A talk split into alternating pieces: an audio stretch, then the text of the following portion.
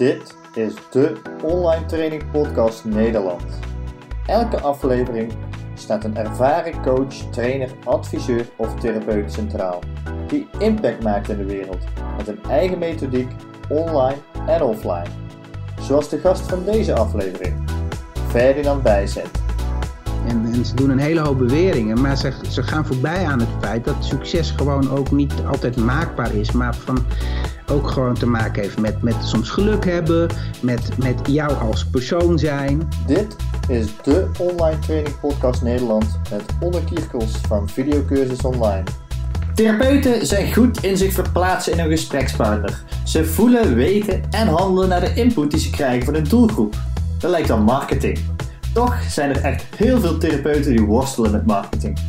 En hoe komt dat nou? Tegenwoordig wordt doodgegooid met goeroes en mensen die een methode ontwikkeld hebben. En hij zegt heel veel van die methodes die beweren dingen die eigenlijk totaal wetenschappelijk van geen kant kloppen. Alleen ze kloppen voor die mensen. De gast in deze aflevering is Ferdinand Bijzet. Hij is de een van de eigenaren van het opleidingsinstituut Kempler. En daarnaast heeft hij een eigen offline en online praktijk voor relatie- en gezinstherapie. Hij is vele malen op de radio te horen geweest, heeft meegewerkt aan tv-uitzendingen en reist om de zoveel weken naar Slovenië om daar therapeuten te trainen. Het afgelopen jaar is hij van offline naar online ondernemen gegaan. En ik heb de eer gehad om hem in dit proces te helpen en coachen bij het werkelijkheid worden van de online training samen. Zijn hobby oefent hij uit in de manege, tussen de paarden. Op dit moment is hij bezig met de marketing van zijn online training, het schrijven van een boek en hij traint therapeuten bij het opzetten van een eigen praktijk. Een enorme waslijst van prestaties en ambities. En dat brengt mij bij de eerste vraag voor jou, Ferdinand. Wie ben jij en waar kennen mensen jou van? Dat is een goede vraag. Eigenlijk heb je het al een beetje gezegd hè? Uh, in jouw opsomming van wat ik allemaal doe en waar mensen mij van kunnen kennen. Uh, mensen kunnen mij kennen als therapeut. Ik ben ongeveer 15 jaar geleden als een van de eerste Nederlanders begonnen met het hulpverlenen aan mannen met een seksuele verslaving. Nou ja, ik was een van de eerste en heb daar heel veel over geschreven en heel veel over uh, gesproken. Uh, heb dat toen wat verplaatst naar hulpverlening aan stellen in een vertrouwenscrisis. En ook daar ja, heb ik wel wat naam gemaakt. En sinds uh, 2000, moet ik even goed zeggen, 2009 of 2010 ben ik uh, een van de trainers geworden bij het Kempler Instituut, dat momenteel deels van mij is. En ja, daar train ik behoorlijk wat uh, hulpverleners per jaar. En kom ik zo door het hele land bij hulpverleningsorganisaties. En daar kunnen mensen mij ook van kennen.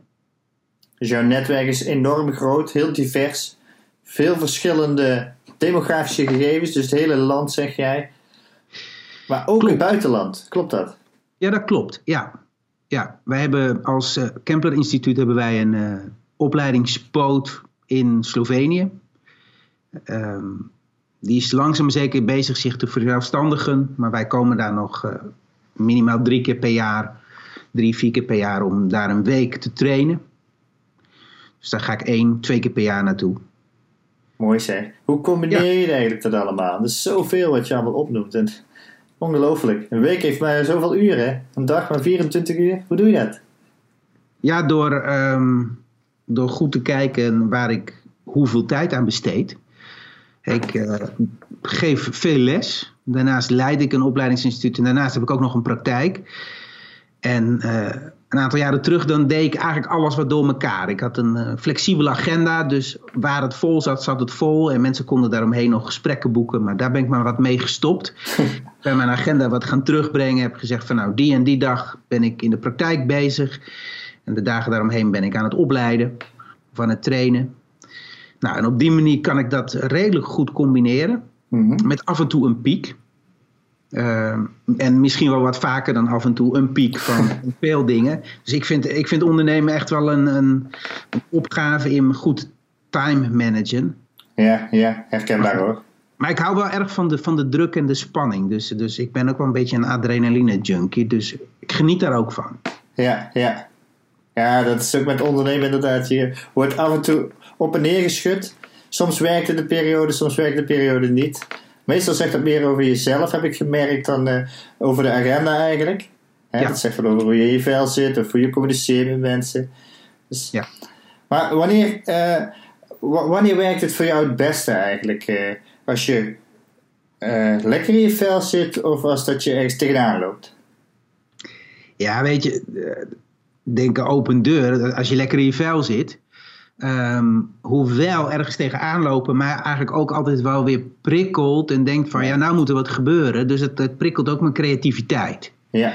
Alleen als ik mag kiezen, dan kies ik toch eigenlijk denk ik meer voor een, een, een, ja, een manier van werken waarin ik zo ja, gewoon stabiel ben, lekker in mijn vel zit. Dan mag het wel eens wat minder met al die adrenaline. Aan de andere kant, als dat dan wat te weinig wordt, wordt het ook saai. Ja, dus inderdaad ook met ondernemen echt die uitdaging nodig, hè? Ja, joh, ik zat uh, vorige week uh, zaterdag. Ik, ik doe veel lesgeven op zaterdag. En ik heb nu een aantal weken was ik echt druk. En toen was ik zaterdags vrij. En dan zit ik op de bank en dan kijk ik om me heen en denk ik, wat zou ik nu eens gaan doen? Ja, dan zit je eigenlijk nog zo in die snelheid, hè, in die drang.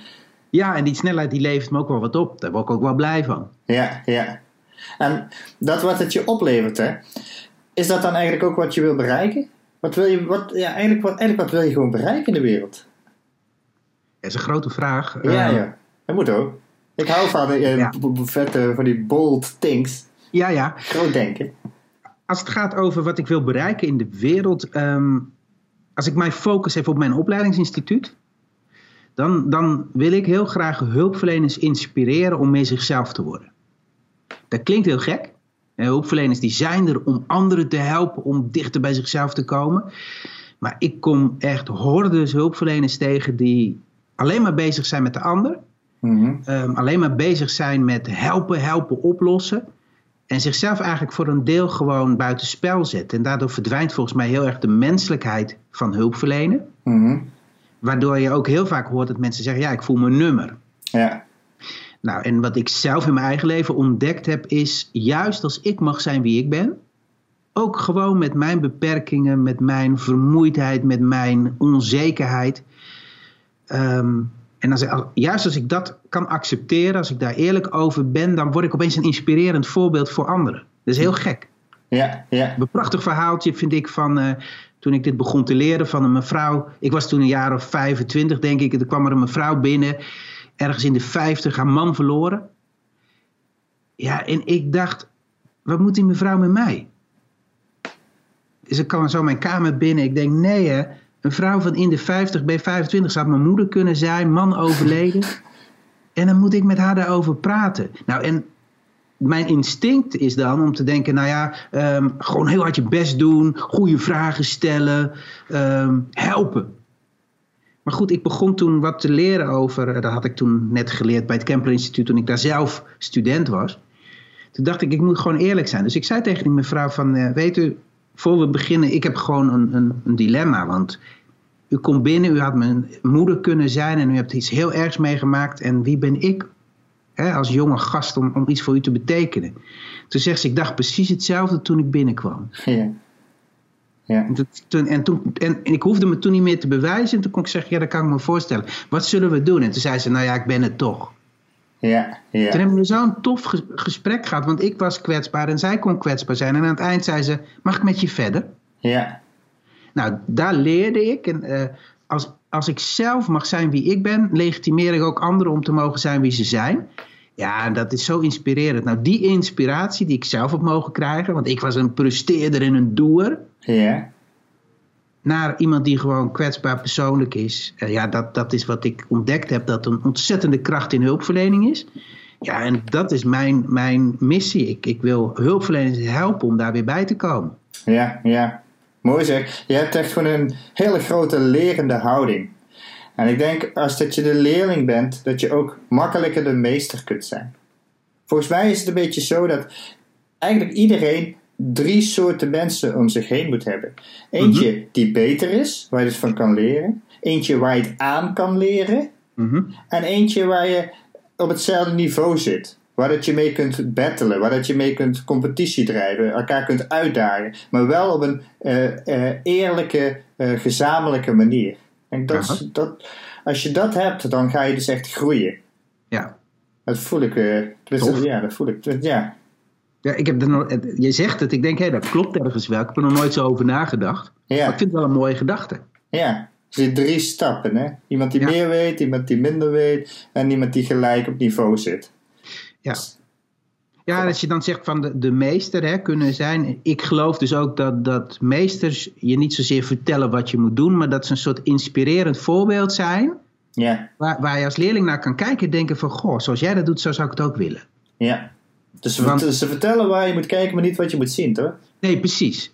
Maar je, je kijkt ernaar en denkt van, wow, maar als dat kan, dan komt er een soort Ja. verlangen. Nou, dat is, dat is ook mijn passie, ook als ik opleid, dat ik denk van, ik wil een inspirerend voorbeeld zijn, zodat mensen op zoek gaan naar, oh, maar zo zou ik het ook willen. Ja, ja.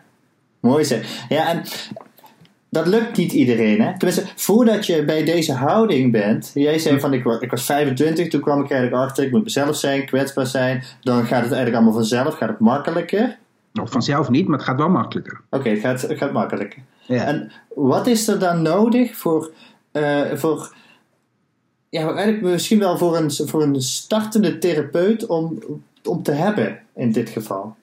Waar moet die starten? Wat is het, wat is het leerpunt van de meest startende en ook de meeste therapeuten eigenlijk? Nou, ehm, heel veel therapeuten die, die wij opleiden, die hebben eigenlijk al een hulpverleningsopleiding achter de rug. Eh, waar, we- hè, dus daar zit onze studie bovenop. Maar ook als ze bij het HBO beginnen, eh, het, het zijn allemaal zorgers. Ik, ik zeg wel eens in trainingen van waarvoor zou je vijf dagen in de week in de shit van een ander willen roeren? Ik bedoel, wie wil dat en ook nog niet eens zo verschrikkelijk goed betaald worden? Nou, dat komt omdat dat mensen zijn die het heel fijn vinden om te zorgen voor een ander. ja. Eh, anders ga je dat niet doen.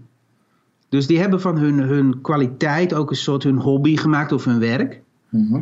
Alleen wat daar niet zo goed ontwikkeld is, is dat ze ook naar binnen gaan en, en, en dat ze ook ontdekken, ja, maar ik ben ook iemand. Ik wil ook, iem- ik, ik heb ook mijn, mijn behoeften, ik heb ook mijn ideeën. Met als het gevolg, ehm, ik zet wel eens twee stoelen neer en dan zeg ik, eh, jij als hulpverlener zit op deze stoel en je cliënt die zit dan op die andere stoel. Met wie ben je nou bezig? Nou, ze zijn alleen maar met die andere stoel bezig. Ja, ja. Ja, dan brand je op, dan word je, Ja. dat, dat, dat, ja, dat, het, het stroomt niet, je bent ook niet inspirerend. Ja, Eigenlijk moeten hulpverleners veel meer leren om op hun eigen stoel te gaan zitten. En die ander op zijn eigen stoel laten zitten. ja, En om dan te kijken van nou, dit ben ik, dit ben jij. Laten we daar eens over gaan hebben. Want nu gebeurt het tussen ons. Ja, ja. dat is eigenlijk wat er tussen mij en die mevrouw ook gebeurde. Ik kon zeggen, op mijn stoel voel ik me heel kwetsbaar. En zij kon zeggen, op mijn stoel voel ik me ook heel kwetsbaar. Nou, en toen hadden we een gesprek dat heel inspirerend was. Ja, ja. Nou, dat is denk ik wat veel beginnende therapeuten en ook gevorderde therapeuten moeten leren. Veel meer op hun eigen stoel gaan zitten. Naar de kracht in zichzelf gaan. En als ze naar de kracht in zichzelf gaan, dan wordt die cliënt die tegenover ze zit ook niet meer een, een, een soort project die jij moet redden. Nee, dat is ook iemand met kracht in zichzelf. Ja. En kracht boor je eigenlijk volgens mij alleen maar aan door zelf ook krachtig te zijn. Inspira- inspiratie bij de ander boor je aan door zelf inspirerend te zijn. Dat is mijn filosofie. Ja, ja. Ja, ik geloof daar ook wel in. Ik herken het ook een beetje, net toen je aan het vertellen was, kwam ook een beetje het beeld van het boek van Stephen Covey naar boven mij. Van het centrum van jezelf en het centrum van de, van de ander. Als je te veel het centrum op de ander legt, dan, ja, dan, ga, dan ga je uit balans, hè. Ja, Met het gevolg misschien wel burn-out en weet ik veel wat voor gevolgen allemaal. Dus blijf bij jezelf. Als eerste moet je eigenlijk jezelf hulp verlenen. Klopt dat?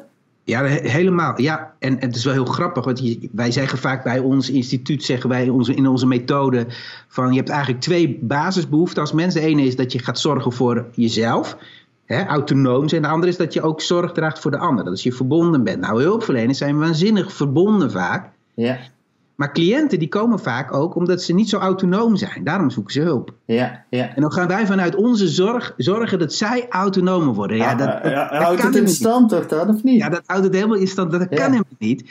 Dus, dus, maar dat, dat is een soort, ja, iets wat, wat je ze echt moet gaan leren. Van wil je iemand anders autonomer maken, zul je dat niet vanuit een hele hoop zorg moeten doen. Want dan betuttel je ze. Ja, ja. Maar als je zelf autonomer bent, zelf meer bij jouw kern bent, dan ben je de persoon waarbij die ander niet anders kan dan ook autonomer worden. ja, ja. Want je, die komt jou gewoon tegen.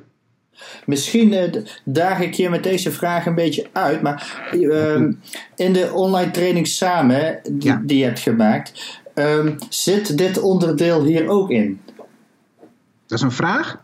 Ja, Ja, nou daag je me uit. Ik denk dat het erin zit, maar ik heb het niet zo bewust beschreven. Mhm. Maar het zit in je filosofie, het zit in je doen. Ja, het zit, zit in mijn basishouding. Dus als ik kijk naar de online training die ik dus gemaakt heb voor stellen in een vertrouwenscrisis, ehm, dan, dan zit zeker het stuk verbonden zijn erin. Want je ziet vaak in zo'n zo'n relatiecrisis dat uh, zeker degene die het vertrouwen beschadigd heeft, heel lastig vindt om in de verbinding te gaan naar die ander. Want oh, ik heb je zo gekwetst, dus ik kan niet in de verbinding gaan. Dat is nou juist wat ze te leren hebben.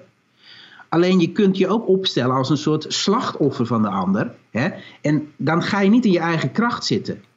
Nou, ik wil graag dat mensen in hun autonomie gaan zitten, in hun, hun uh, dus zelf verantwoordelijk worden. Dus ja, ik denk dat dat er zeker in zit. Ja, ja. Mooi. Dat, eigenlijk wat je afgelopen, wat je een beetje aan het doen bent, is de balans, eh, uitdaging zoeken, hè? constant bij jezelf, bij je, bij je cliënten, bij, bij je collega-therapeuten. Ehm, en wat je eigenlijk het afgelopen jaar dan hebt gedaan, toen je van offline naar online ging, was eigenlijk ook weer die uitdaging aangaan en toch ook weer uh, een nieuwe balans vinden. Hè? Ja. Uh, raad je dit andere therapeuten aan om uh, te gaan doen? Maak van offline naar online. Um, nou, ik zou het niet zomaar aanraden. Um, Kijk, wat ik ze wel zou aanraden is om, om veel meer de mogelijkheden van online te gaan zien. Ik zie zoveel therapeuten die alleen maar geloven in contact en uh, één op één gesprek. En die ergens ook een soort angst hebben voor alles wat maar een beetje online is. Ja. Um, ik, ik kom nog veel mensen tegen die dan ook zeggen: Ja, ik heb geen Facebook, uh, ik heb geen LinkedIn. Uh, dus, dus die zijn helemaal niet met, dat hele, met alle mogelijkheden online bezig. Ja. Um, en, en ik heb wel gedacht van, uh, maar ik ben ook wel een beetje een pionier van, er zijn zoveel mogelijkheden in deze, in deze tijd. Dus ja, waarvoor zou je je ook niet oriënteren op online? Alleen, dat vraagt wel wat van je. Mm -hmm. dus wat vraagt het van je dan? Je moet uit je comfortzone, want, want je moet dus gaan nadenken, hoe kan ik wat ik normaal gesproken één op één doe, overbrengen in een soort online setting waar mensen meer een, een training volgen. Hmm. Um, en hoe vertaal ik dat? Nou, dat, dat, dat vraagt sowieso een soort, soort denkproces, maar het vraagt ook um, nou ja, een behoorlijke investering van jezelf om dat te gaan doen. Want uh, het is gewoon een andere vorm van werken en, en het kost gewoon heel veel. Ja, dus het is iets nieuws eigenlijk, hè? Want, en, ja. en als iets nieuws is, dan roept dat vaak angst op hè? en twijfel op. Ja, Want je weet het nog niet, hè? je weet de stappen niet. Hè? Nee, en als je dat niet wil, die angst en die twijfel, moet je er zeker niet aan beginnen. Ja. ja als, je, als je het wel wil en je voelt angst en twijfel, moet je er zeker aan beginnen, want angst is gewoon energie. Ja, dacht ik ook. Ja, dus excitement. Um, dus, dus ik zou zeggen, ik ben er altijd voor dat mensen uit hun comfortzone gaan. En aan de andere kant denk ik ook van ja, maar overweeg wel uh, dat het ook gewoon een investering van je vraagt, waar je waanzinnig veel van leert. Ja. Maar ja, je moet je wel afvragen, ben ik bereid om de kosten daarvan te betalen? En dan heb ik het niet over geld, maar dan heb ik het ook gewoon van investeren, investeren, investeren. Ja, nou eigenlijk investeren jezelf daarmee hè? Ja. En daarmee ook gelijk in je cliënten, je studenten als je een online training hebt. Mm -hmm. En in je collega's natuurlijk. Ja. Want in jouw training, uh, uh, ja dat, dat weet ik dan natuurlijk, omdat we deze samen hebben gemaakt. Maar uh, in jouw training, hoe, moet ik het, hoe moet ik het vragen? Daar bied je de andere therapeuten ook een mogelijkheid om met jouw programma te werken. Ja. En uh, het zogenaamde affiliate systeem. Ja. Hoe, hoe gaan andere therapeuten ermee om op het moment, mee om? Op het moment dat zij nog niet de ervaring hebben die jij hebt en ze willen het wel aan anderen leren. Hoe, hoe doen ze dat? Ja, dat zou je, dan zou je eigenlijk hun moeten interviewen. Um, yes. Kijk, uh, mijn filosofie over hoe je herstelt van uh, een vertrouwensbreuk, zoals dat ook in die online training zit, die is overdraagbaar. Mm -hmm. Um, en daar heb ik ook in geïnvesteerd om therapeuten die ermee mee willen werken, om, om die ook daarin een trainingsdag te, te geven en om een e-book te schrijven met de stappen erin. Um, ik zie wel dat omdat het niet per se met een van hun is, omdat ze het ook lastig, denk ik, vinden om een stuk marketing te doen. Dat, ja, zeg maar de stap maken van daarover geluid maken, daarover ook mensen echt uh, zover krijgen dat ze naar zo'n online training gaan, voor hun nog een moeilijke stap is. Ja, maar het is aan te leren. Het is wel aan te leren, maar het, ehm, nou ja, ik merk het bij mezelf al. Als ik geluid maak, dan, dan krijg ik ook nieuwe cursisten in mijn online training. Ehm, als ik stil ben, de afgelopen weken ben ik er stil geweest daarin, en dan, dan gebeurt er ook niet zoveel. Nou, dat zie ik ook bij hun. Ik kan precies zien hoeveel uh, mensen vanuit hun affiliate systeem op mijn site gekomen zijn. Bij sommigen zijn dat al wel 60 of 70. Maar het heeft niet tot verkoop geleid. En dat, dat zegt mij wel iets over dat relatie en hoe, hoe je het zelf promoot en hoe belangrijk jij het vindt. Ja. Um, enorm bepalend is. Terwijl een andere oud collega van mij, die zit helemaal niet in het affiliate systeem. Uh, laatst tegen zijn cliënten zei van joh, daar en daar moet je wezen. Die heeft een programma geschreven. Ik vertrouw hem volledig. Ik denk dat het hartstikke goed voor je is. Meteen hebben die mensen hem zich ingeschreven. Ja, ja. Dus dat zegt iets over, geloof je erin en durf je daarvoor te gaan staan, ook als het een investering is. Ja, Dat, is dat is wel het lef wat je moet hebben als je ook met, uh, met een online iets gaat werken waar ook gewoon een prijs voor betaald moet worden. Ja.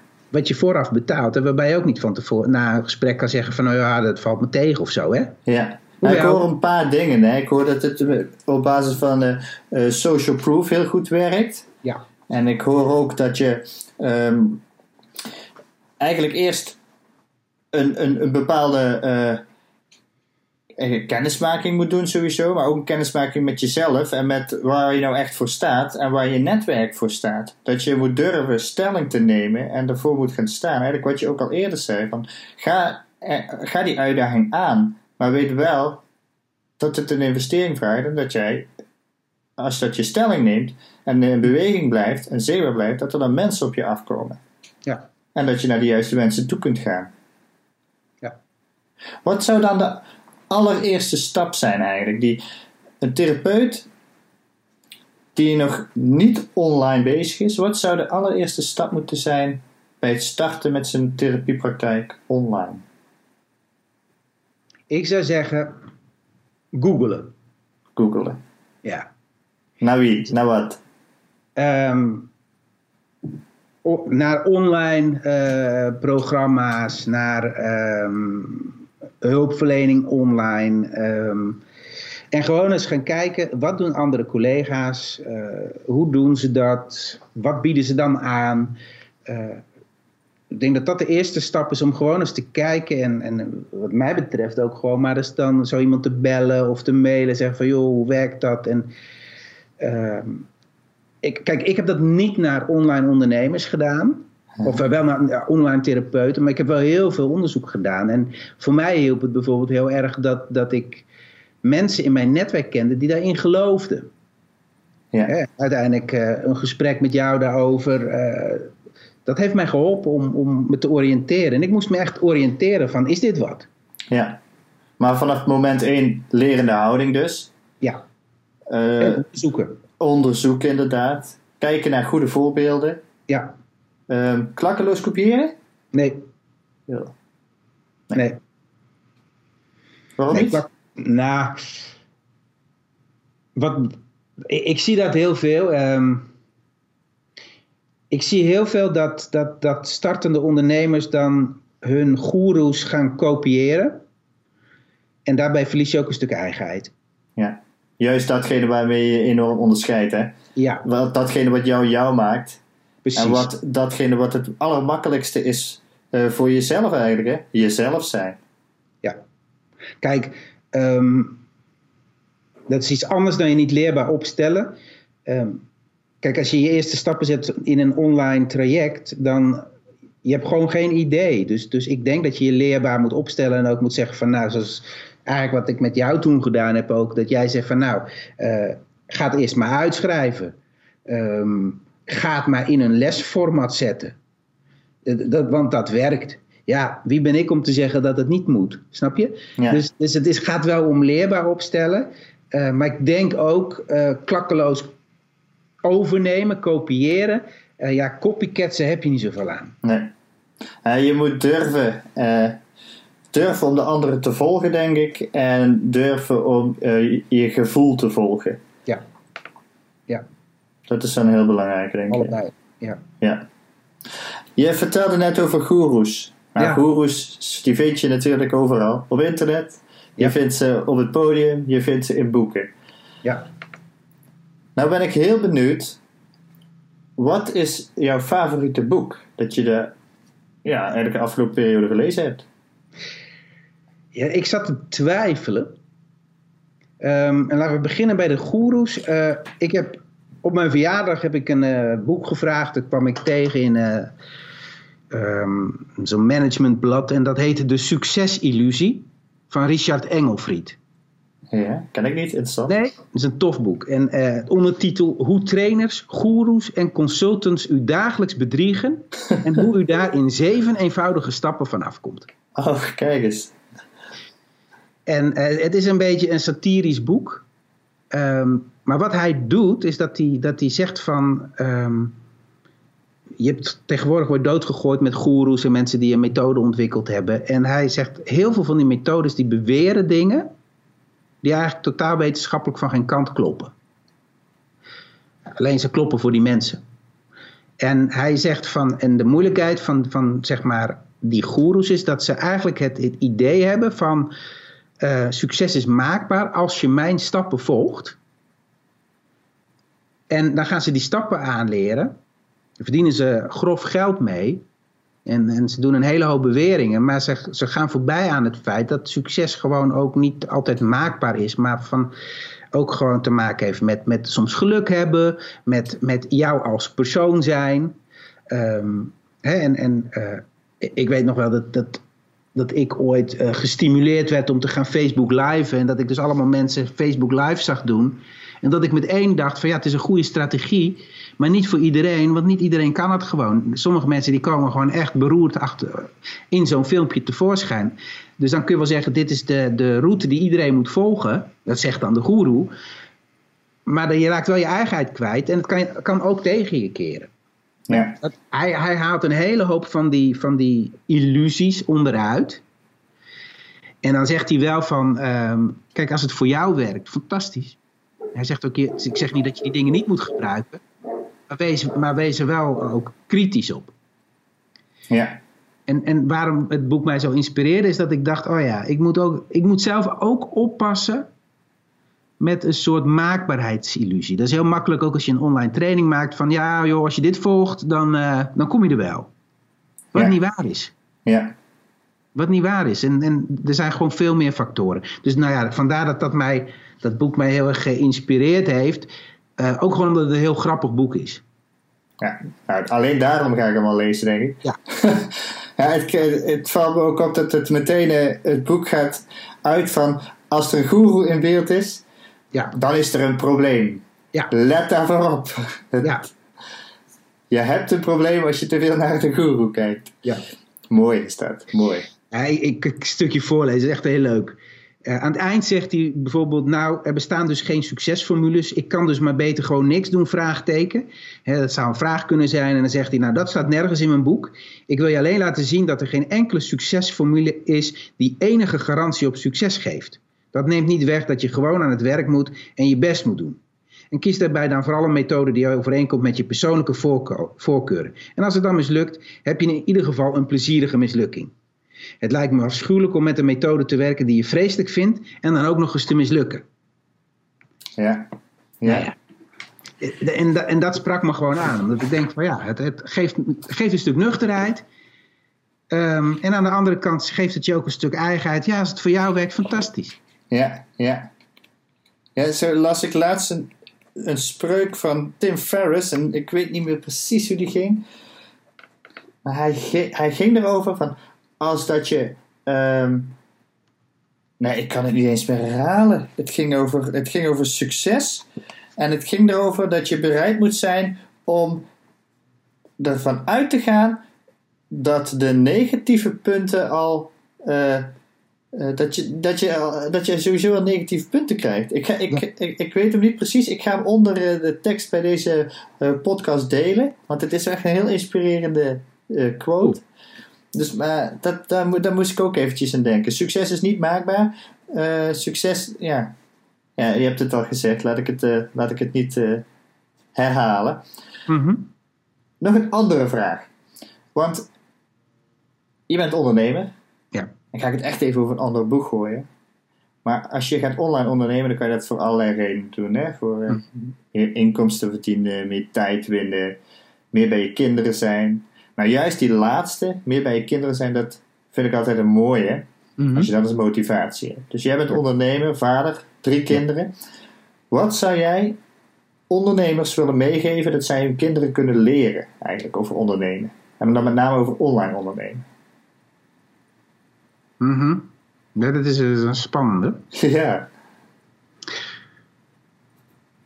Het grappige is, eh, even voor wat, je zegt, een reden om te ondernemen. Voor mij was een reden om te ondernemen niet zodat ik meer bij mijn kinderen kon zijn, want ik was al best regelmatig bij mijn kinderen. Het mooie van ondernemen vind ik wel dat het me in staat stelt om mijn eigen werktijden goed in, hè, um, aan te passen. En dat ik gewoon in staat ben om eigenlijk alle schoolvakanties vrij te zijn. Zo.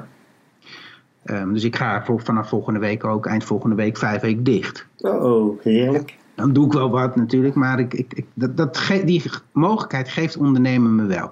Nou ken ik ook zat ondernemers die uh, dat niet kunnen. Hè? Um, die, die echt loeihard moeten werken om een beetje rond te komen. Ja, um, ik denk dat je dan misschien wel eens naar een goeroe zou mogen. Hoewel ik het nou net ontkracht heb. Misschien.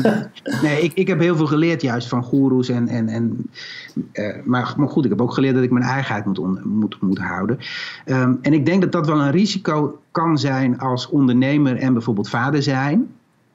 Dat je ze aan de ene kant wil leren om hun eigenheid te volgen. Maar dat, dat je met onbewust je kinderen ook leert van... Ja, maar Mijn eigenheid moet, brengt ook heel veel offers. En eigenlijk betekent dat ik helemaal niet kan doen wat ik zelf wil. En alleen maar slaaf ben van het geld. En um, ook eigenlijk helemaal geen tijd voor jullie heb. Dat is gewoon een valkuil. Zeker voor ondernemers, maar ik denk van deze hele tijd. Ja. Um, dus, en ik denk dat. Kijk, als je kinderen bewust wat wil leren, dan haken ze meestal meteen af. Um, nog zo'n inspirerend boek vind ik. Uh, van um, Bertolt Gunster, van omdenken van uh, lastige kinderen heb jij even geluk. En daar zegt hij, mensen zouden moeten stoppen met opvoeden. Want met opvoeden wil je kinderen iets leren voor hun. In plaats van dat, dat jij het inspirerende voorbeeld bent. Hè? Daar kwam ik aan het begin ook, ook, Ja. ook, ook op. Dat je gewoon jij bent. En dat ze daarnaar kijken en denken van wow, zo zou ik ook willen Je zijn. moet het gewoon gaan voorleven eigenlijk, hè? Ja. Ja. Dus, dus als ik mijn kinderen iets zou willen leren, dan weet ik dat zeker mijn tieners zeggen: Dag pap. uh-huh." ja. Dus, uh, dat, dus ik denk, ja, ze wat willen leren, dat heb ik wat losgelaten. Maar als ik ze wat zou willen meegeven, dan denk ik wel dat um, ondernemen begint gewoon bij je passie volgen. Ga doen Ja. waar je blij van wordt. Ja. Um, en wat ik zou, wel zou willen, um, en, en, wat ik denk dat ondernemers hun kinderen ook wel mee kunnen geven, met name door het voor te doen, is, is creatief in deze wereld te staan. Wat ik, wat ik mooi vind van ondernemers is dat die mogelijkheden zien wanneer anderen onmogelijkheden zien. Ja, ja. ja. En, en of ik dat mijn kinderen dan kan leren, dat weet ik niet. Maar door zo in het leven te staan, door de mogelijkheden te zien en door op zoek te gaan naar creatieve oplossingen, denk ik wel dat je een inspirerend ouder kan zijn. Ja, en als het dan gaat over online ondernemen, dan denk ik dat, dat ik mijn kinderen wel um, het besef zou willen meegeven van jongens, wij leven in een wereld met zoveel mogelijkheden en die kun je benutten. Ja. Um, ik wil, het, uh, ik wil bijna uh, het opdraaien eigenlijk. Ja. Want ik zou je ook willen vragen, wat kunnen ondernemers van hun kinderen leren over ondernemen? Um, en ik heb er een, uh, je, je, noemt net het woord creativiteit. Ja. Maar naar mijn idee, en ik denk dat je nu al bijna hoort waar je naartoe gaat, nu je deze vraag hebt gehoord. Is, ja, waar jij naartoe wil, ja. ja, ook. Maar wat kunnen ondernemers van hun kinderen leren over ondernemen? Ja, Bijvoorbeeld maar... creativiteit. Wij, volgens mij hoeven wij ze niet te leren om creatief te zijn. We moeten ze juist het laten behouden. Want als ik naar mijn eigen kinderen kijk, ze zijn tussen de 0 en 5, ze gaan ja. net naar school, dat zijn nog schone blaadjes, maar ze zijn zo creatief. Ja. Ik zit gewoon in een Formule 1 auto hier beneden. Met Ja. allemaal kussens om me heen. En een stuur wat ik in mijn handen heb. Wat ik niet in mijn handen heb natuurlijk. Mhm. En we racen gewoon door, eh, door- ja, over de baan. Het is super gaaf. Creativiteit. ja. Maar wat zou jij... eh, ja, wat, wat kunnen jouw kinderen eh, jou leren over ondernemen? Wat geven ze jou terug? Ja, ik denk dat je gelijk hebt dat, dat kinderen, eh, kinderen zijn denk ik ondernemend hè, vanaf het begin. En op een of andere manier perken wij dat ondernemende ook in. Door, je moet niet dit, of wees voorzichtig, of pas op. Ehm, dus ik denk dat, dat ja, je als ouder van kinderen kunt leren om, om te kijken naar mogelijkheden. Te doen waar, waar je enthousiast van wordt. Ehm ja, en, en kinderen die zetten vaak de stap, ook al vinden ze het eng. Niet alle kinderen, hè. Maar, maar kinderen hebben een, een, een, een, toch wel een neiging om buiten hun comfortzone te gaan. Om dat op te zoeken. Ja. En daar krijgen ze een beloning voor natuurlijk. Anders doen ze het niet, hè? Nee, daar krijgt ze een beloning voor. En, en, en de, het ene kind heeft er natuurlijk meer dan het andere. En toch, om ergens te komen, moeten ze steeds stappen zetten die eigenlijk doodeng zijn. Ja. Maar is dat niet leren? Ja, dat, natuurlijk is dat leren. Ja. Dus we moeten gewoon weer gaan leren.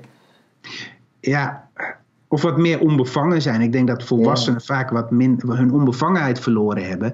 Heel veel ervaring hebben van, oh wees voorzichtig, pas op, dat kun je niet. Eh, als je niet presteert, dan doe je niet mee. Ehm, als je geen hoge cijfers haalt, dan. Als je niet spaart, dan. Dus allemaal van dat soort dingen. Ja, dat hebben Ja. kinderen niet. Ja, ja. Oh, weer, ik hoor weer het centrum buiten jezelf leggen, hè?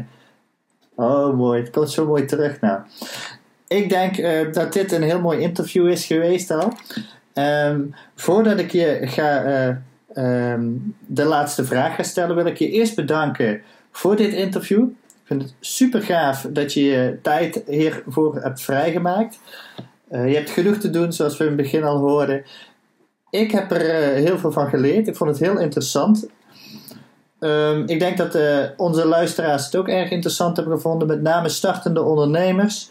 Ehm, ja. ja, ik kan eigenlijk alleen maar zeggen: dankjewel. Als laatste vraag: ja, wat zou je graag aan de luisteraars mee willen geven? Ik denk dat ik dan toch terugkom bij dat, dat wees zelf inspireren. Zeker als je in de ondernemer wil zijn, wees zelf inspireren. En zelf inspirerend zijn is een soort opdracht, maar het begint bij ga op zoek naar jouw inspiratie. Wat inspireert jou? Waar word jij blij van? Waar word je enthousiast van? Want daar zit vaak je passie. En als je daar bent, dan ben je vanzelf inspirerend. Daar geloof ik, daar geloof ik helemaal in. Eh, ik denk dat mensen juist niet inspirerend zijn op het moment dat ze ver weg zijn bij wat ze belangrijk vinden. Of gaan, aan braaf gaan doen wat iedereen wil. Dus, dus ja, ga naar je inspiratiebron, ga naar je passie.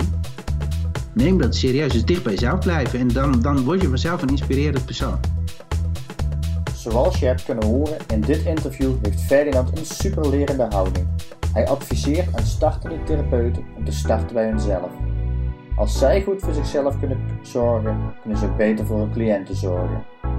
Ook heeft hij met vele voorbeelden en verhalen geïllustreerd hoe hij tegen ondernemen en met name online ondernemen aankijkt. Wat ik uit dit interview haal? Dat het belangrijk is dat wat je ook doet, het meeste succes zal hebben als je er helemaal voor gaat. Kies voor wat jou jou maakt en volg je passie. Dat is op lange termijn bijna een garantie op succes. Wil je meer van Ferdinand weten? Check dan zijn website op www.relatie-herstel.nl of link met hem op LinkedIn, Facebook of via het Kempler Instituut. Wil jij ook geïnterviewd worden? Laat dit dan weten door een mailtje te sturen naar podder.videocursusonline.nl Misschien ben jij wel de volgende gast in deze podcast. Bedankt voor het luisteren en vergeet niet om elke dag iets nieuws te leren.